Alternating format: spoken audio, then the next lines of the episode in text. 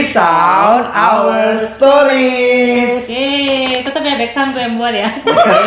Gue bagian Iya, doang iya. gitu ya. kan friendsnya udah gue yang ngomong. Oke. Nah, teman-teman sekarang kita mau bahas tentang sesuatu di Instagram. Oh, apa tuh? Gue buka dulu dong. Eh, bener-bener. Bus. nggak usah kelihatan juga loh eh nggak akan kelihatan juga nah eh, ini fenomena yang gue amatin belakangan ini karena gue suka main Instagram dan teman-teman pernah lihat yang di search-nya gitu nggak sih Explore Iya, maksud di lo? explore-nya. Oh, ya iya. kan? iya. Kalau gue sih banyak yang quote-quote dari Twitter. Oke. Oke. Ya kan? Ah. Kalau enggak ada orang juga yang emang bikin aja gitu tulisannya di eh, Instagram kayak gitu kan. Iya, iya. Nah, yang gue dapatin beberapa beberapa kali ini menarik. Mereka suka bikin quote-nya kayak gini. Kalau lu baik sama gue sekali, gue akan baik sama lu 10 kali lipatnya. Bus. Gitu ya. Kata itu bener gak sih? Itu Keren. benar menurut gua gitu. Karena kan biasanya Iya. kita kalau Kalau dilakuin mah bagus banget. Iya, misalnya gitu, kalau lu baik sama gue, Iya. gue akan lebih baik Iya. kalau sama lu 10 Nah. kali gitu kan. Kalau enggak quote yang kayak gini, gue akan merasa, eh, kenapa gue memilih untuk tidak percaya karena gue pernah mengalami namanya dikecewakan. Oh, Kayaknya oke. kayak benar gitu kan. Nah, ngapain aja gue percaya sama dia karena gue pernah dikecewakan. Nah, akhirnya gue mikir gini, ketika kondisi hati gue tidak baik, waktu gue baca, ih kayaknya bener nih ya quote-quote-nya. Kalau nggak banyak deh quote-quote yang menurut gue kayak kayaknya tuh terlihatnya bener. Tapi kalau misalnya ditelusuri, itu kayak gimana ya? Eh, nilainya tuh jadi kayak absurd gitu menurut gue. Berarti kan kalau misalnya, gue ambil satu contoh yang tadi yang pertama yang gue bilang, kalau lu baik sama gue sekali, gue akan baik sama lu lebih banyak daripada lu. Iya. Nah, kalau misalnya gini, kalau gue jahat sekali sama lu, kemungkinan berarti Gue jahat 10 Iya, kali yang kali. bisa jadi dong. Oh, kan gitu. asumsinya jadi Oke. kayak gitu, ya kan? oke. Nah, menurut teman-teman gimana dengan quote-quote yang seperti itu? Ernest nih yang suka nulis quote nih. Gue yang suka 10 kali lebih jahat. Sekarang lo yang negatifnya bukan gue Iya. lagi. Kalau menurut gue ya eh, mengenai quotes yang tadi ya yang Hmm. lo bilang 10 kali baik, 10 kali jahat. Berarti sebenarnya kasih kita kayak gitu Hmm. terbatas dong. Kayak gitu. Terbatasnya adalah dibatasin tergantung dari kondisi Orang dari yang orang lain yang gitu ya. Iya, seperti itu. Jadi kalau dia Ah. baik ya gue baik ya berarti sebenarnya kasih gua terbatas, kondisional sebenarnya. Kayak gitu nggak nggak unconditional. Dan kalau kayak gitu berarti kasih kita nggak pernah pasti sama sekali. Sebenarnya kita orang yang mengasihi yang baik atau enggak ya nggak tahu. Karena kan tergantung kondisi. Kayak gitu. Nah jadi sebenarnya eh, siapa kitanya kayak gitu kasih kita seperti apa nggak pernah pasti sama sekali seperti itu nah itulah kayak gitu menurut gue sih quotes quotes kayak gitu kalau diikutin cukup berbahaya ya karena tergantung kondisi ya kalau Hmm. lu lagi baik ya gue baik Hmm. kalau lu lagi jahat ya gue bisa lebih bahkan Jahat. lebih jahat lagi kayak gitu nah berarti ya perbedaannya juga dengan yang lain kayak gitu karena yang kalau misalnya ya jelas lah kalau sama orang baik kita mudah banget Iya. berbuat baik Hmm. kalau sama orang jahat kita berbuat baik nah itu hal yang lebih sebenarnya Justru menurut gue itu yang baik. Ketika lu baik sama orang yang jahat sama lu, Iya. itu artinya definisi dari kata baik. Ya? Betul. Akhirnya kan kalau kita lihat ya dunia kalau sampai seperti itu banget wah damai ya. Indah. Wih, Nggak ada demo ada. guys, nggak ada demo. demo. Iya, demo. Eh, susah pulang. Tapi itulah ya realitanya bahwa begini juga kita nggak bisa tutup mata bahwa orang-orang yang ada di di dunia, gitu ya. Hmm. Em, ini khususnya mengenai penggunaan media sosial juga kali ya. Kita perlu melek media dan juga lihat bahwa semua yang ditampilkan quotes itu apa pun itu kita mesti melihat apalagi kalau quotes ya quotes itu kan singkat banget betul betul itu bisa jadi tidak mewakili semua realita yang ada. Hmm, hmm. Jadi kalaupun kayak tadi Novi bilang tadi, waktu gue baca pokoknya tek banget nih, pas banget sama gue. Iya karena mungkin situasi lu lagi seperti itu, tapi gue pikir justru mungkin coach itu akan bisa menolong kita berpikir lebih dalam dan tidak mikir kayak tadi nih. Kalau gitu kalau dia jahat sama gue, gue akan jahat 10 kali lebih jahat sama dia. Justru bagi gue eh, ya mesti bijaksana juga kali ya. Lihat coach yang mana dipikirin baik-baik. Kalaupun juga kita suka nulis coach ingat bahwa itu juga bukan seluruh realita yang bisa kita tampung sama coach kita. Iya benar-benar. Tapi maksudnya ngelihat sebenarnya definisi dari kasih itu sendiri apa sih bang? Kan kalau Hmm. ngomong kalau yang gue pernah baca di KBBI itu kasih itu adalah lu memberi. Ya, Oh. emang ya, namanya juga kasih. Ya, Bahkan ya, ya. kata ucapan terima kasih itu sebenarnya ada maknanya gitu. Hmm. Terima kasih itu mengucapkan bahwa lu menerima kasih yang sudah gue berikan gitu. Berarti kan ada Hmm. lu akan mendapatkan terima kasih ketika lu sudah ada Hmm. orang lain yang memberi. Nggak mungkin lu mengucapkan terima kasih ketika nggak ada yang nggak ada yang memberi. Oh, Iya nggak sih, Mas? oke. Nah, Oh, lu iya, gue ngasih sesuatu, lu akan ngucap- ngucapin terima kasih Hmm. karena aku sudah menerima kasih yang dari lu. Ya, nggak sih? ngerti Oh. nggak maksudnya yang gue pernah baca sih kayak gitu definisi dari terima kasih kayak gitu. Nah makanya ada ada ada quotes bukan quotes juga ya tapi ada kalimat yang mengatakan bahasa Indonesia tuh dari semua bahasa di dunia paling gampang menjelaskan kasih. Kasih itu apa? Kasih ya kasih. kasih ya kasih gitu ya Iya kasih itu memberi Iya, bukan yang ngambil Nah itu besar. Aku pikir sih makin menunjukkan sebenarnya dunia ini sih ngerti nggak ya kasih ya? Hmm. Karena waktu bicara kasih kok malah mikirnya gua akan mengasihi dia kalau dia begini sama gua. Loh, berarti sebenarnya ngambil kondisi duluan Iya, ya dia ambil duluan, gitu iya, loh. benar, Ini kalau benar. kasih ya kasih aja. Bahkan kita nggak sanggup mengontrol apa yang dia akan berikan buat kita sebagai balasannya gitu kan. Kalau misalnya kasihnya kayak gitu jadi terkesan gini nggak sih? Kita kayak gue akan memberi kalau misalnya Ernest melakukan sesuatu. Jadi itu kayak nggak murni gitu. Iya, Padahal kan iya. definisi dari kasih itu adalah suatu hal kemurnian ya nggak sih? Hmm. Apa yang emang benar-benar dari hati kita kita mau kasih gitu. Kecenderungannya orang jadi mau memberi kalau misalnya ada ada ada sesuatu di, di Iya. bawahnya Iya, kayak iya, terselubung gitu. Ada U di balik B, ada Udah. udang di balik bapak. Enak kan boy. kita nggak bisa bilang. Berarti kalau lu uh, memberi sesuatu ke gua karena gua udah kasih ke lu sesuatu, berarti gua nggak bisa bilang Itu Lu nggak kasih. bisa menyimpulkan diri lu itu baik sebenarnya. Nah, apalagi kalau misalnya gue memberi, tapi gue sebenarnya ada ada maksud dalam memberi. Nah itu Hmm. akhirnya membuat kita jadi kecewa lebih dalam gak sih? Karena gini, misalnya gue baik sama Bang Alex, eh rupanya gue berharap Bang Alex akan baik juga sama Jadi gue. sebenarnya kalau gua Iya, nggak iya. baik sama lu, yang sakit lu ya. Iya, Iya. iya dong, Ah, karena kan benar. tidak sesuai dengan ekspektasi gue di Ah, awal. betul, Dan akhirnya betul. membuat gue, gue jadi benci sama lo. Kena, dan gue gak mau memberi lagi karena apa? Gue tidak memberikan sesuai dengan ekspektasi gue Iya. di awal. Sebenarnya gue memberi dengan ketidaktulusan. Ya. Kalau Iya. memang gua memberi dengan jadi Maksud? gini kali ya, mungkin biar gampang. Oh, iya. Kasih itu fokusnya bukan diri kita, tapi Hmm. siapa yang kita betul. Kalau kayak gitu caranya. Iya, karena kalau kita fokusin sama diri kita, gua nggak dapet yang gua mau, Kita marah marah. gua. Kita marah, iya. Tapi kalau fokusnya dia, ya udah buat dia aja gitu kan. Hmm. Apa pun respon dia, pokoknya kita membuat yang baik buat dia tanpa memandang apa pun respon dia. Iya sih. Iya, Tapi betul. akhirnya ada kesimpulan lagi nih bang, kayak Hmm. gini. Ah, gue juga capek lah memberi sama si bang Alex. Iya gak sih? Maksudnya gini, gue baik, gue baik, gue baik. Akhirnya gue tidak mendapatkan apa pun. Pernah gak sih lo orang sampai di tahap seperti itu? Hmm. Misalnya gini, gue udah baik nih. Oke, gue gue fokusnya bukan sama Ernest deh. Misalnya gue tidak melihat Ernest harus berbuat baik sama juga. Tapi sometimes gue berharap Ernest ngelakuin Iya. hal yang sama Iya. dong ke gue. Karena gini loh, di- akhirnya gue punya mendapatnya gini ketika gue punya ekspektasi udah Hmm. deh gue akan memberi memberi tapi kan apa lama-lama apa yang ada di gue habis dong Hmm. Oh. iya kan Tapi, nah iya iya. benar-benar. Tapi gini, eh, nggak tahu nih menurut Bang Alex tuh kayak Hmm. gimana. Tapi memang mungkin kasih manusia atau kasih kita gitu miskin bang, Iya. Kayak gitu. Terbatas. Jadi terbatas. Makanya kalau kondisi kita udah kasih kasih kasih kasih, akhirnya kita kok kayaknya gue nggak dapat kasih balik gitu ya. Hmm. Kita akhirnya merasa kering, merasa sakit hati dan lain Iya. sebagainya. Nah makanya gue jadi mikir kalau cuman cari kasih nih di sekitar dunia kita doang sesama teman-teman kita, mereka pun juga terbatas kasihnya Hmm. kayak gitu.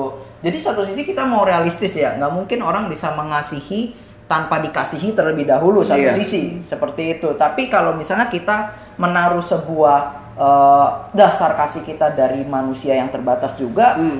Nah masalahnya dia juga Terbatas. terbatas, kering. gitu. kasih makanya kasihnya manusia itu kayak lingkaran setan Hmm. yang kayak lu bilang bilang ya misalnya gue jual lu beli gue jual lu beli jadi terus gitu aja gue jual lu beli gue jual lu beli iya, tapi iya. Transaksi ya? transaksional banget Iya, iya, gitu iya. makanya ya kalau kita lihat ya di dalam eh, penghayatan spiritual kasih itu sesuatu yang ilahi Oh, Hmm. harus datangnya dari seorang pribadi yang Mengasihi. tidak terbatas iya betul betul. yang bisa mengasihi kita dan akhirnya kita menerima kasih itu lalu kita dimampukan mengasihi orang tanpa menuntut balasan balas.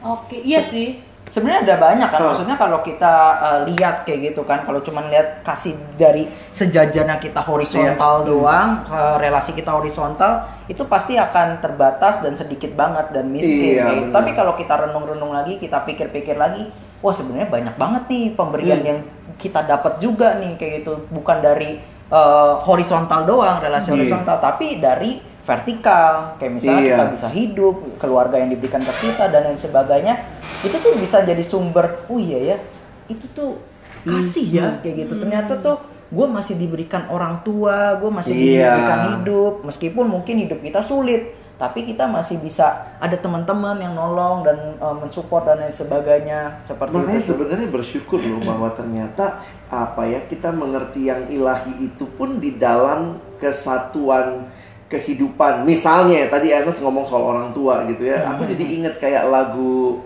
lagu anak-anak sih. Kasih ibu Oh, kepada beta tak terhingga sepanjang masa. Apa itu kasih? Hanya Memberi. memberi, iya ya. tak harap Kembali. kembali gitu ya. Bukannya hanya memberi uh, berharapkan kwitansi, nanti kwitansinya Nah, datang ya. Iya, iya, iya. Nah, makanya kemudian kan ini lagu anak-anak pencipta lagunya sampai pas banget gitu. Mhm. Dia mesti cari ilustrasi apa tuh? Dikatakan bagai sang surya Oh, iya, menyinari Dunia. dunia. Matahari tuh nggak bilang besok lu kagak mandi gua nggak bersinar. Pokoknya apa pun dia terus dia mengasihi gitu Iya, ya. iya. Nah, aku pikir sih sebenarnya kasih yang seperti itu yang tidak terbatas tuh pasti hanya kasihnya yang ilahi. Iya benar Nah, benar. tapi kayak gitu dititip ke ibu, ke orang Hmm. tua, ke Titip ke- gitu ya. di- Ke ya kayak ke sahabat Iya. gitu ya. Makanya itu menolong kita jadi menyadari bahwa sebenarnya kita juga jangan pesimis mengasihi kalau nggak dibalas gitu ya. Mungkin ada orang lain yang akan memberikannya Iya, ya. uh, uh, dan aku pikir di situlah justru kita akan nikmatin tuh gila ya yang namanya menikmati belajar mengasihi. Ibu Teresa pernah bilang begini ini kalau nggak salah. Ibu Teresa ngomong begini. Ini kosannya bener kan? Kok lagi? Kosannya. Kok lagi? Iya. Tapi kayak kalimatnya begini, bahwa Ah. kasih itu lu belum pernah ngerasain kasih itu sampai lu ngerasa sakit. Oh, Bener lagi. Wow. Jadi maksudnya gini, Oke, oke, waktu oke, lu oke. mengasihi sebenarnya kalau lu masih berharap lu dapat sesuatu, mungkin lu berharap ya lu seneng lu apa. Tapi waktu lu memberi, memberi dan akhirnya mungkin bahkan itu orang tidak meresponi, rasanya sakitnya tuh di sini. Ah. Tapi justru di situ kasih kita teruji. teruji ya. Mm-mm. Tapi akhirnya gue berpikir, nih timbul lagi pertanyaan gue Iya. ya. Menurut teman-teman, gini gini bang, ketika kita memberi dari, dari tadi kita berpikir memberi, memberi, memberi, mengasihi, mengasihi Hmm. gitu kan. Nah, eh, ada gak sih cara yang untuk membedakan bahwa sebenarnya kita mengasihi bukan seperti mengemis? Oh, gitu main gak? Maksudnya gini, kan kadang-kadang kan kita kayak gue sebenarnya mengasihi Ernest gitu, tapi akhirnya tuh gue jadi kayak membeli Ernest secara tidak langsung. Oh, Hmm. Kayak gitu kemudian gue jadi kayak ngemis akhirnya Gue ngontrol dia juga ya, Ya, secara ya. nggak sadar ya. Bisa Iya, begitu nggak bisa jadi misalnya gini, ada dua ekstrim jadinya. Pertama, gue jadi kayak ngemis, misalnya gini. Ernest Oh. sebenarnya ya menikmati aja gitu kasih kasihnya dari gue, tapi sebenarnya orang lain melihatnya kayak gue tuh ngemis kasih juga dari Ernest. Oh, Oke, oke, Oke. oke. Ngerti nggak? oke. Tapi ada ekstrim yang kedua yang kayak lu akhirnya gue seakan-akan gue memberi sama Ernest, tapi sebenarnya Ernest itu gue kontrol. Ya, Secara ya, tidak ya, langsung. Jadi ya. ada dua ekstrim sebenarnya, Yes, ekstrim iya. A dan ekstrim B. Sampai di jauh mana sebenarnya kita mengasihi yang akhirnya tidak membuat kita terlihat seperti mengemis kasih dari orang lain. Waduh, susah. Karena kan ada kan ada orang-orang yang seperti kayak gitu kan. Tapi bagi gue sama dua-duanya sama-sama sama sih, aja, kayak tapi gitu. satu sisinya yang Ah, mengontrolnya minder. gimana, Iya. yang, yang minder gitu, ya, tapi kayak over Ah, gitu ya. Jadi, sama-sama Nah makanya gue sih. pikir sih yang namanya kasih itu berkaitan juga dengan motivasi. Oh, Hmm. Jadi maksudnya kita sendiri sih yang paling bisa tahu sebenarnya gue lagi mengasihi untuk apa nih? Untuk mengontrol dia kah? Atau sebenarnya gue nggak I cannot live without your love sampai gue ngemis-ngemis dari dia. Iya. Nah di situlah gue pikir kasih yang sesungguhnya itu mendewasakan. hmm. Contoh konkretnya gimana? Hmm. Kalau ngomong kasih itu mendewasakan tuh kan kayak masih absurd ya menurut gue ya. Ini unik juga kita ya. Satu udah punya pacar. Oke, Ini baik. belum, punya pacar. Yang Terima ini udah ya. menikah gitu. Gue pikir sih begini loh, relasi kita dalam kasih itu pasti akan mendewasakan kita. Hmm. Baik yang sudah punya pasangan, yang belum punya pasangan pun waktu lu berelasi sama orang tua lo, Hmm. sama kakak beradik, gua sama istri. Nah, bagi gua gini, akhirnya gua makin ngerti gitu ya. Kalau gua hanya memberi supaya dibales, lalu kemudian gua hanya memberi supaya gua dapat pujian dari pasanganku, itu akan akan jadi satu kasih yang miskin kalau pakai tadi istilahnya si Ernest gitu. Miskin banget gitu. Tapi kasih yang mendewasakan bahkan gua rela tuh. Gue pernah Iya, iya. lihat ya, ini Ah. ini walaupun menyedihkan ya. Ada seorang ibu yang anaknya meninggal dan itu mah anaknya masih remaja. Ibu itu di samping peti mati itu Hmm. sampai ngomong, "Tuhan, aku aja yang mati, Tuhan, jangan anakku. Dia masih muda, hidupnya masih bisa lakukan banyak hal, Tuhan, aku aja yang mati."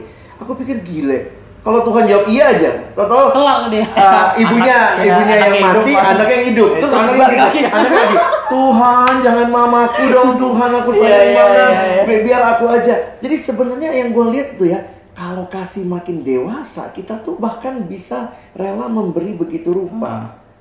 Dan akhirnya ya gue pikir dalam persahabatan maksudnya kita rela berkorban buat sahabat kita mungkin kita rela eh, beri waktu untuk dia nemenin dia dan nggak selamanya kan pengorbanan itu bicara uang. Hmm. Makanya kan ada ada kalimat yang mengatakan bahwa tidak ada kasih yang lebih besar daripada kasih seorang yang memberikan nyawanya untuk sahabatnya. Dan aku pikir Iya, iya. iya ya, itu ilahi banget lah kasih yang seperti itu. Tapi gue gitu suka ya. tuh yang tadi Bang Alex bilang Hmm. kalau kasih itu yang ilahi itu dititipkan. Kalau misalnya Iya. dititipkan kita nggak tahu tuh dititipkan ke siapa. Iya. Kadang-kadang eh, di masa-masa kita kering, di masa-masa kita Hmm. susah, menderita dan lain sebagainya. Eh tahu-taunya kita menerima kasih entah dari tukang ojek lah. Iya, atau Ya, iya. bener, bener, bener. unexpected kayak gitu, unexpected banget. Cara Tuhan Ah, mau iya. kasih. Iya, banyak Tapi banget caranya aja ya. kita suka cita jadinya Betul, kayak betul. gitu. Nah itu tuh menarik tuh eh, apa kasih yang ilahi itu dititipkan Hmm. sebenarnya. Kadang-kadang kita expectnya ke satu orang doang. Ya maksudnya maunya dapetnya misalnya dari Ernest Dari ya,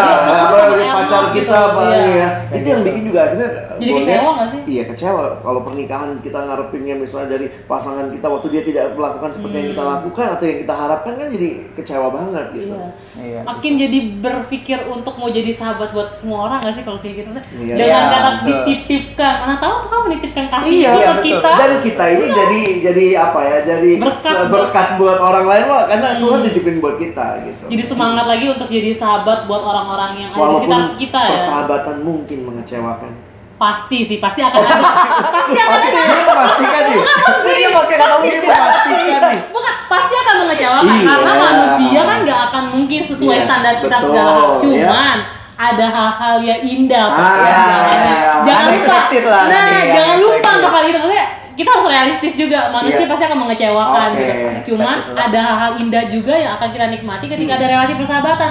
Tapi kalau kita udah bilang mengecewakan titik tanpa Udah kayak udah lah, indah, aku gak bakal mau bersahabat lagi gitu akhirnya ya. jadi rugi sendiri sih ya. Iya. Makanya teman-teman jangan kapok untuk bersahabat dan jadi sahabat. Buat Ya, semua orang. Buat semua orang gitu ya. Dan karena itu kita juga berharap kita ini jadi titipan kasih Allah. Iya.